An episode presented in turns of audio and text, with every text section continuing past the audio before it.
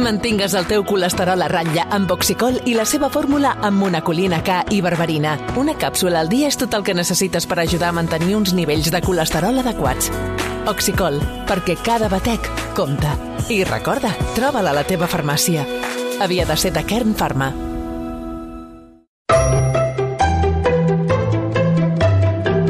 Històries per explicar a l'hora de sopar.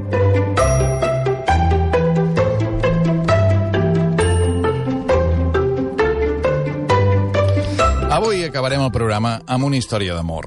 Una història d'amor entre tres persones, un home i dues dones. L'home més ric del món, ara fa 50 anys, l'Onassis. Aristòtil Onassis, un multimilionari grec que fabricava barcos. La vídua del president John Fitzgerald Kennedy, la vídua d'Amèrica, Jacqueline Kennedy.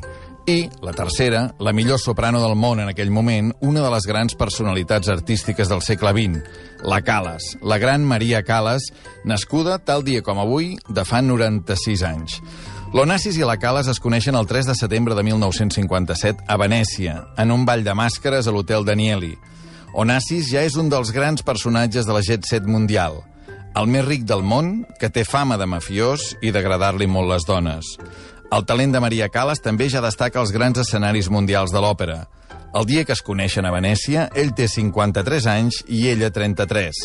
Els dos són d'origen grec i els dos estan casats. Ella amb el seu mànager, Giovanni Meneghini, que li treu 30 anys.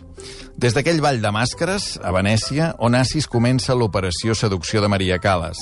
La va veure a Londres, a París, la segueix per mig món i li envia sempre roses vermelles al camerino i a l'hotel. Onassis vol convèncer la Calas per fer un creuer en el seu iot. Un iot que es diu Cristina, que fa més de 100 metres de llargada, d'eslora, amb 18 camarots i tot tipus de luxe. Les festes pujades de to en aquell barco són famoses mundialment. Al final s'acaba sortint amb la seva i l'estiu de 1959 marxen de viatge. Qui va en aquell iot? El matrimoni Onassis, el matrimoni Calas, el matrimoni Churchill, que ja és ex-primer ministre al Regne Unit, i mitja dotzena de persones més.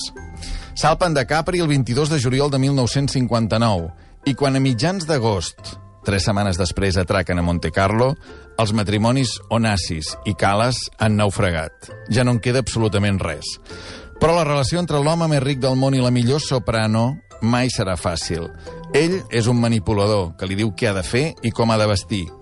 Continua tenint una llarga llista d'amants i mai accedeix a casar-se amb Maria Calas, com ell hauria volgut. Tot plegat, la Calas ho porta com pot fins que passa una cosa que ho canviarà tot. Entre les amants que té Onassis hi ha una germana de Jacqueline Kennedy, la dona del president dels Estats Units. Diu la llegenda que el multimilionari grec veia aquesta dona com un pas intermig per arribar fins a Jacqueline.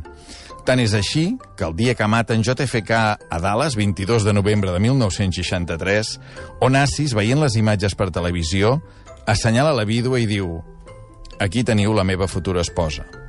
I tal dit, tal fet. Aristòtil Onassis és a l'època una persona extremadament popular. A tots els pobles de Catalunya hi ha algú que rep el sobrenom d'Onassis. És el ric del poble, el que té menys escrúpols, el més fatxenda, el que porta un tren de vida que ningú no s'explica i que no se n'amaga. Aquell, als pobles, és qui rep el malnom d'Onassis. Però tornem a la història. Aquí l'única que s'havia enamorat de veritat era Maria Calas, i ara ja era tard.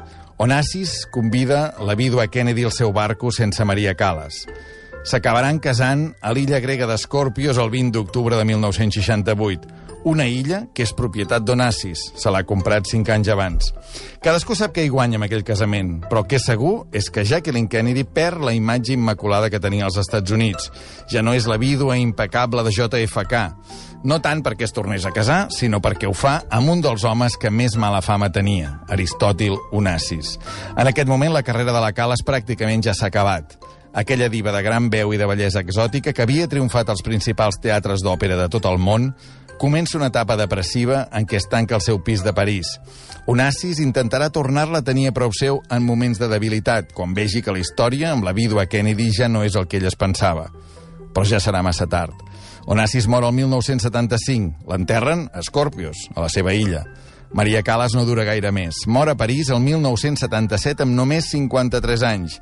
Avui, 2 de desembre, n'hauria fet 96. Amb la seva veu acabarem el programa d'avui. Fins demà a les 7. Bona nit.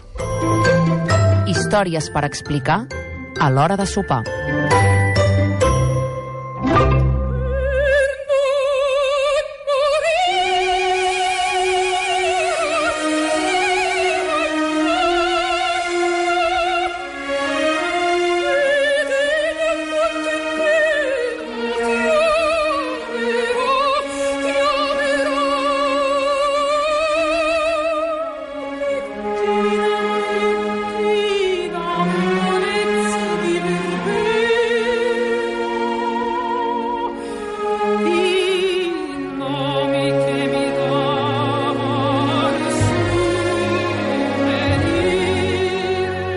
Amb la sirena, que fàcil és menjar bé.